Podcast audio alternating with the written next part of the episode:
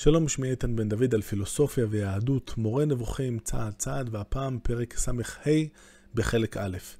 בפרק הזה הרמב"ם יעסוק במושגים אמירה ודיבור, ירחיב את מה שהוא אמר מאוד בקצרה בפרק אה, מ"ו לפני 19 פרקים, ולדיון שמתחיל כאן תהיינה השלכות אה, לא פשוטות אה, ולא מבוטלות על תורת הנבואה של הרמב"ם. שתפותח בחטיבת הפרקים הסוגרת של החלק השני, החל מפרק אה, ל"ב עד פרק מ"ח. נתחיל. לאחר שהגעת אל הדרגה הזאת, שאתה יודע ידיעת אמת, שהאל יתעלה נמצא שלא בתוקף מציאות, ואחד שלא בתוקף אחדות, ראינו את הדיון במושגים האלה בפרקים האחרונים, איני סבור שאתה זקוק שתוסבר לך שלילת תואר הדיבור ממנו. מה גם שהאומה שלנו מסכימה פה אחד שהתורה נבראת.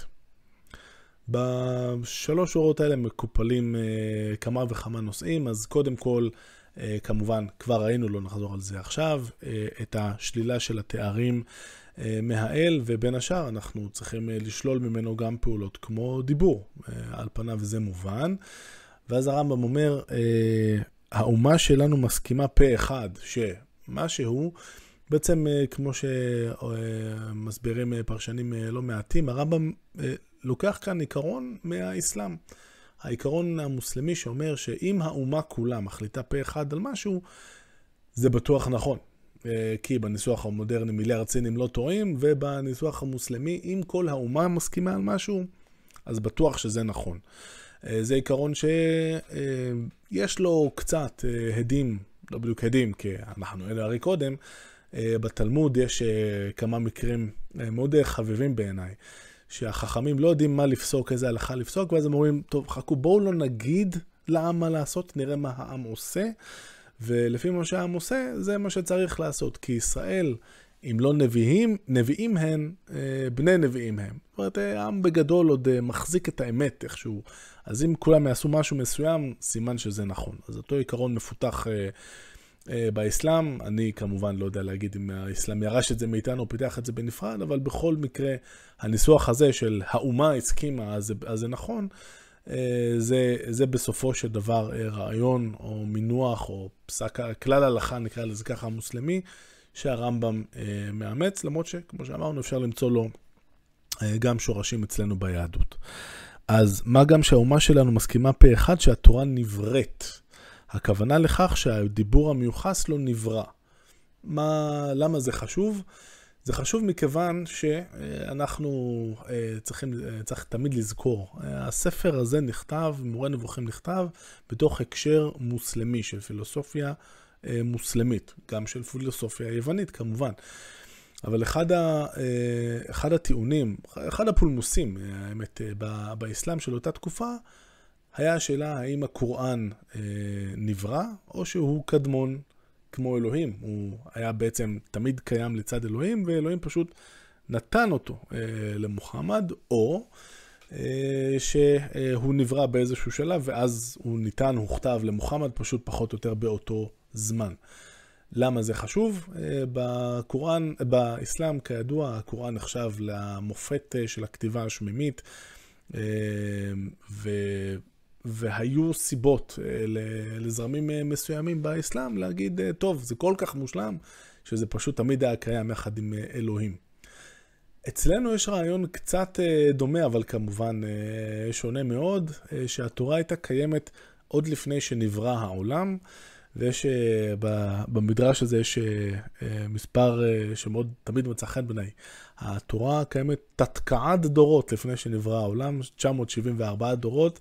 איך נחתו בדיוק על המספר הזה, אני באמת לא יודע, אבל uh, תמיד מצחיק אותי שזה היה כאילו, וואלה, לא, לא הלכו על תתקעג, הלכו על תתקעד. Uh, הרעיון כמובן הוא ברור, uh, מכיוון שאנחנו רוצים uh, לתת uh, לתורה או לקוראן uh, תוקף uh, כמה שיותר uh, מוחלט, להגיד שזה קדם לעולם, נשמע כמו פתרון די טוב שהולך בכיוון הזה. רק שהזרם באסלאם, שאומר שה... אה, שהקוראן לא נברא, אה, בעצם אה, מייחס לו קדמות באותה מידה שהוא מייחס קדמות לאל. פחות או יותר הוא תמיד היה קיים, וזה משהו ש... שאצלנו לא נמצא, עם כל הכבוד למספר המהמם 974. אז הכוונה בכך שהדיבור המיוחס לו נברא. הדיבור שמיוחס לאל. הוא יוחס לו רק מפני שהכל, קול בקוף, ועוד רגע תהיה לי הערה על זה, שאותו שמע משה, האל בראו וייצרו, כמו שברא את כל אשר בראו וייצרו, ועוד יבוא דיון רב על הנבואה. קודם כל יש לנו כאן במשפט הזה אה, דילמה של תרגום. כי הרמב"ם במקור הערבי כותב, כשהוא אומר, מפני שהכל שאותו שמע משה, הוא כותב על כל, ככה.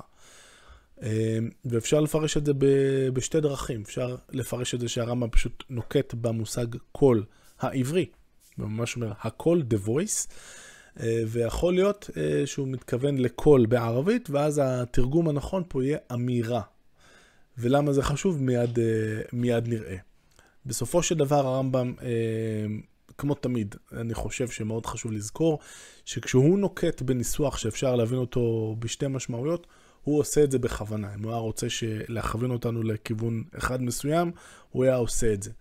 נדמה לי שזה אחד המקומות שבהם הרמב"ם אה, לא בכדי אומר משהו כמו אם אתה אה, רוצה להמשיך ולהחזיק בזה שאלוהים ממש דיבר בצורה אקוסטית עם קול, אתה, אני נותן לך מספיק אה, דברים פה בפרק הזה להאחז בהם, ואם אתה מוכן ללכת לרמה היותר גבוהה, כמו שנראה בהמשך הפרק, ולהבין שבאמירה ובדיבור אנחנו מדברים על דברים אחרים לגמרי, ולא על אה, תופעה אקוסטית, אז בואו ותישארו איתי.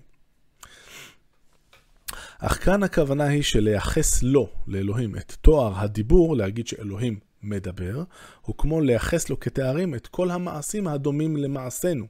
כמו שנגיד שהוא אה, אה, אה, מגיע ממקום למקום מהר, אז הוא מעופף. או כמו שנגיד שהוא לפעמים כועס, אה, וכן הלאה וכן הלאה. על כן הודרכו הדעות לכך שיש ידיעה אלוהית, אשר אותה הנביאים משיגים על ידי שהאל דיבר עליהם ואמר להם, כדי שנדע שעניינים אלה אשר הם מעבירים אלינו מן האל, אינם מחשבתם ושיקול דעתם גרדה. כלומר, הרמב"ם פה אומר לנו משהו כמו, הנח, המטרה של התורה כשאמרה כל פעם, וידבר אדוני אל משה לאמור טה טה טה טה טם, או אה, בכל אחד מהאמירות האלה שמדברות, על, שבעצם מצביעות על כך שאלוהים העביר את המסר שלו לנביא הספציפי בצורת דיבור או אמירה, זה רק כדי לבסס אצלנו את הביטחון שאותו נביא לא בדה את הדברים מליבו, אלא הדברים באמת משקפים את רצונו, את עמדותיו, או מה שזה לא יהיה, של הקדוש ברוך הוא. זה לא באמת שאלוהים אה, אמר משהו או דיבר באמת.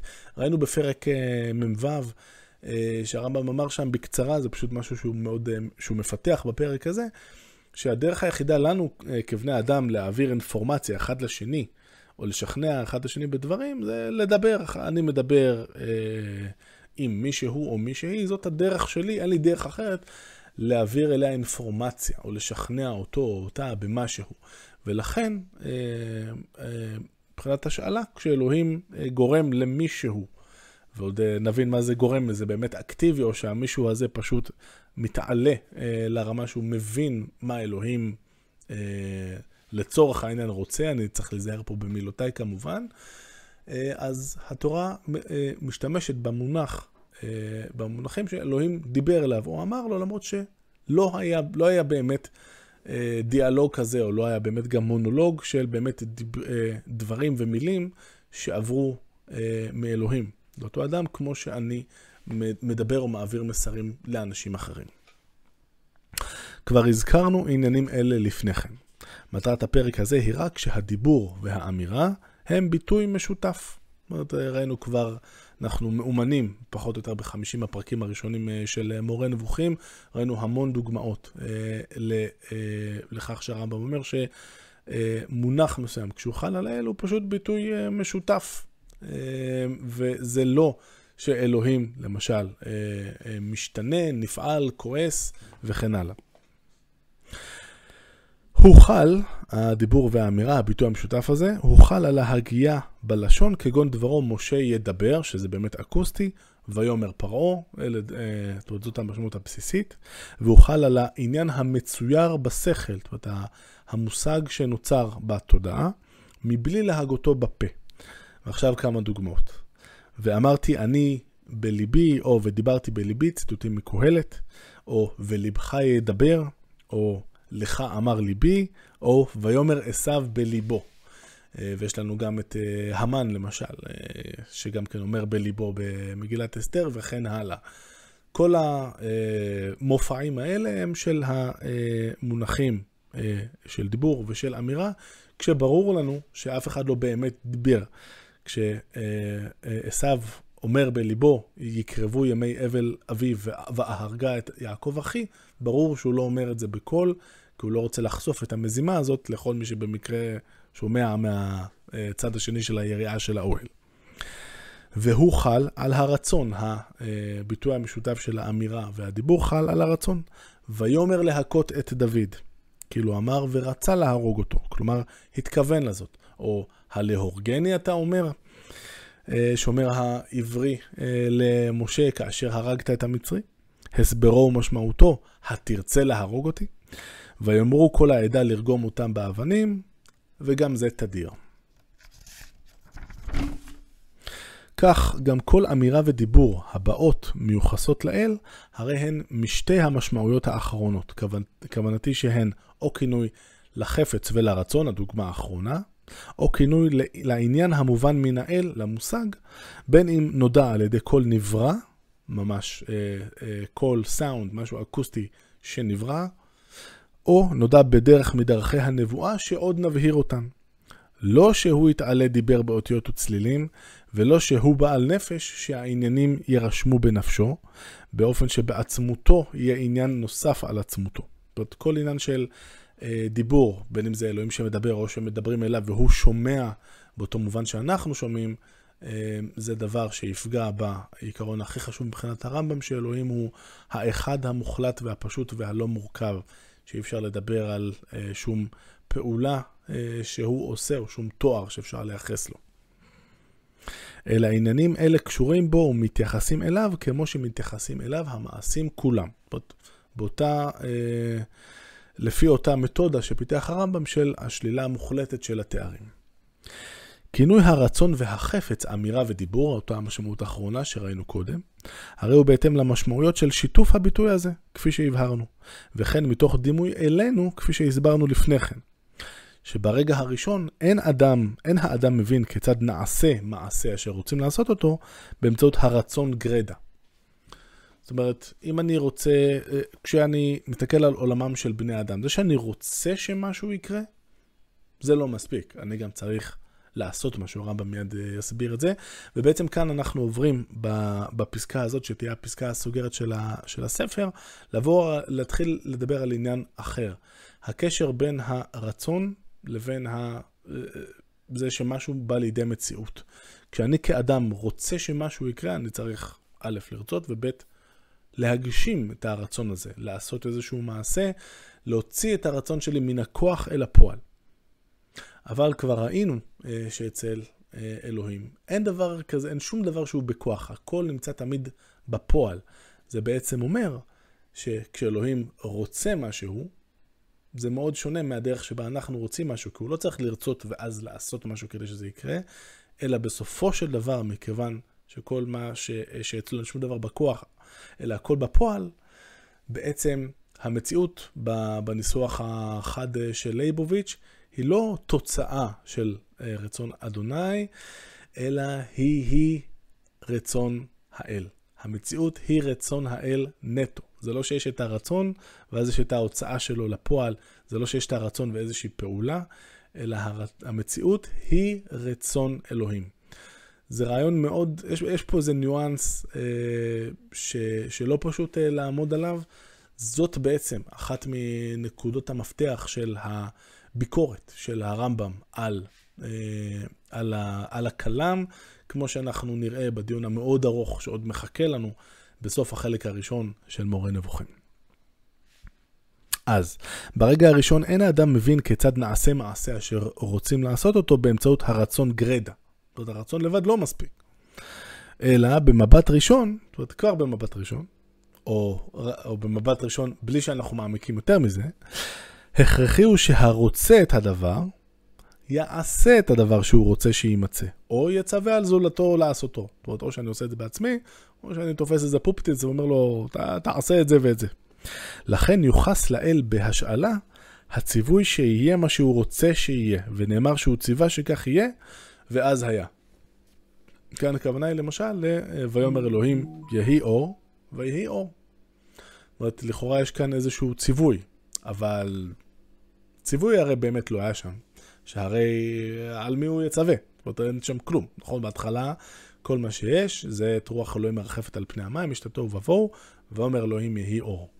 אז מכיוון שהוא לא באמת מצווה פה על אף אחד, אה, אז המשמעות השנייה של הציווי לא רלוונטית כאן, וגם העשייה אה, לא רלוונטית כאן מבחינת הרמב"ם. זאת אומרת, הרצון של אלוהים אה, לא, הוא כזה, זאת אומרת, הוא שונה שוני מהותי מהרצון שלנו כמובן, הוא לא דורש שום אקט נוסף של עשייה כדי שהמציאות בעצם תכלול בתוכה, נקרא לזה ככה, את הגשמת הרצון הזה. זאת על דרך הדימוי אל מעשינו. נוסף לכך שביטוי זה מורה גם על המשמעות רצה, כפי שהבהרנו. כבר אמרנו שויאמר זה מספיק, אה, כאילו, אחת המשמעויות של הביטוי המשותף זה רצה. אבל, אה, וזאת כאן בדיוק המשמעות כשאנחנו אומרים ויאמר אלוהים יהי אור, זה בעצם הוא רצה שיהיה אור, ולא מתלווה לזה שום פעולה נוספת. וכל מה שמופיע במעשה בראשית, ויאמר, ויאמר, משמעותו חפץ או רצה. זולתנו כבר הזכיר זאת והוא מפורסם מאוד. הזולתנו הזה, הרמב"ם כאן אה, מתייחס לרבי סעדה גאון ולמדקדק אה, יונה אבן ג'נח, שכשהם תרגמו את ה"ויאמר" הזה לערבית, הם השתמשו במושג שאלה. ושע זה בעצם חד, אחד מהמילים להביע רצון בערבית. אנחנו מכירים את זה למשל בביטוי השגור, אינשאללה, שזה אינשאללה. אם ירצה, אם יחפוץ אה, האל, אה, זה המקום לומר, אגב, שאם אה, קבעתם עם ידידכם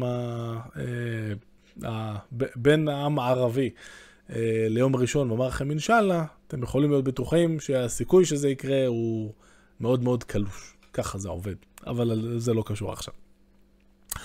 ההוכחה המופתית לכך, כוונתי לכך שהמאמרות היו רצונות ולא דיבורים, הוא שדיבורים יהיו רק אל נמצא שיקבל ציווי, זה כמו שאמרנו, את מי הוא ציווה שם? היה, היה, רק, היה, היה אז רק אותו. כן דברו בדבר אדוני שמיים נעשו, משול ל וברוח פיו כל צבעם. יש לנו את הפסוק הזה בתהילים, שזאת בעצם תקבולת. בדבר אדוני שמיים נעשו, וברוח פיו כל צבעם. עכשיו, כשאנחנו מסתכלים על החצי השני של הפסוק, כשם שפיו ורוח פיו הם השאלה כמובן, בשלב הזה, בפרק ס"ה, אנחנו בוודאי כבר uh, סגורים על זה שלאלוהים אין פה ואין לו, אין דבר כזה רוח פיו, וזאת השאלה. אז אם החלק השני זה מטאפורה, גם החלק הראשון זה מטאפורה. החלק הראשון, בדבר אדוני שמיים נעשו. אז כך דברו ומאמרו הם השאלה.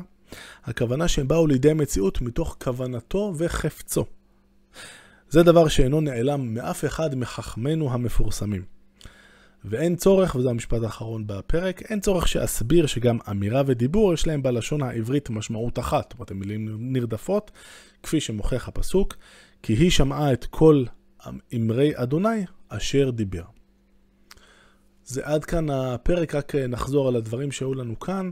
הרמב"ם בעצם, המהלך העיקרי שהוא עושה זה להסביר לנו שאמירה ודיבור זה כשאנחנו, כשהמקרא מייחס לאלוהים אמירה או דיבור, זה לא אקוסטי.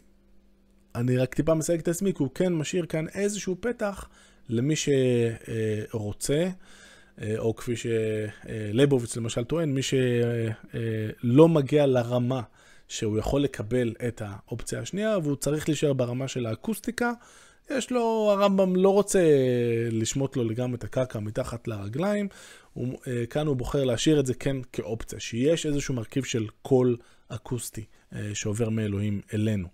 אבל בלי ספק הרמב"ם כאן עושה מאמצים כדי לשכנע אותנו אה, שיש לפחות קיימת אפשרות אחרת, ומרוב מאמצים קשה לחשוב שהרמב"ם לא מתכוון לזה באמת, ומבחינתו זאת האופציה הבאמת נכונה להבין את הדברים.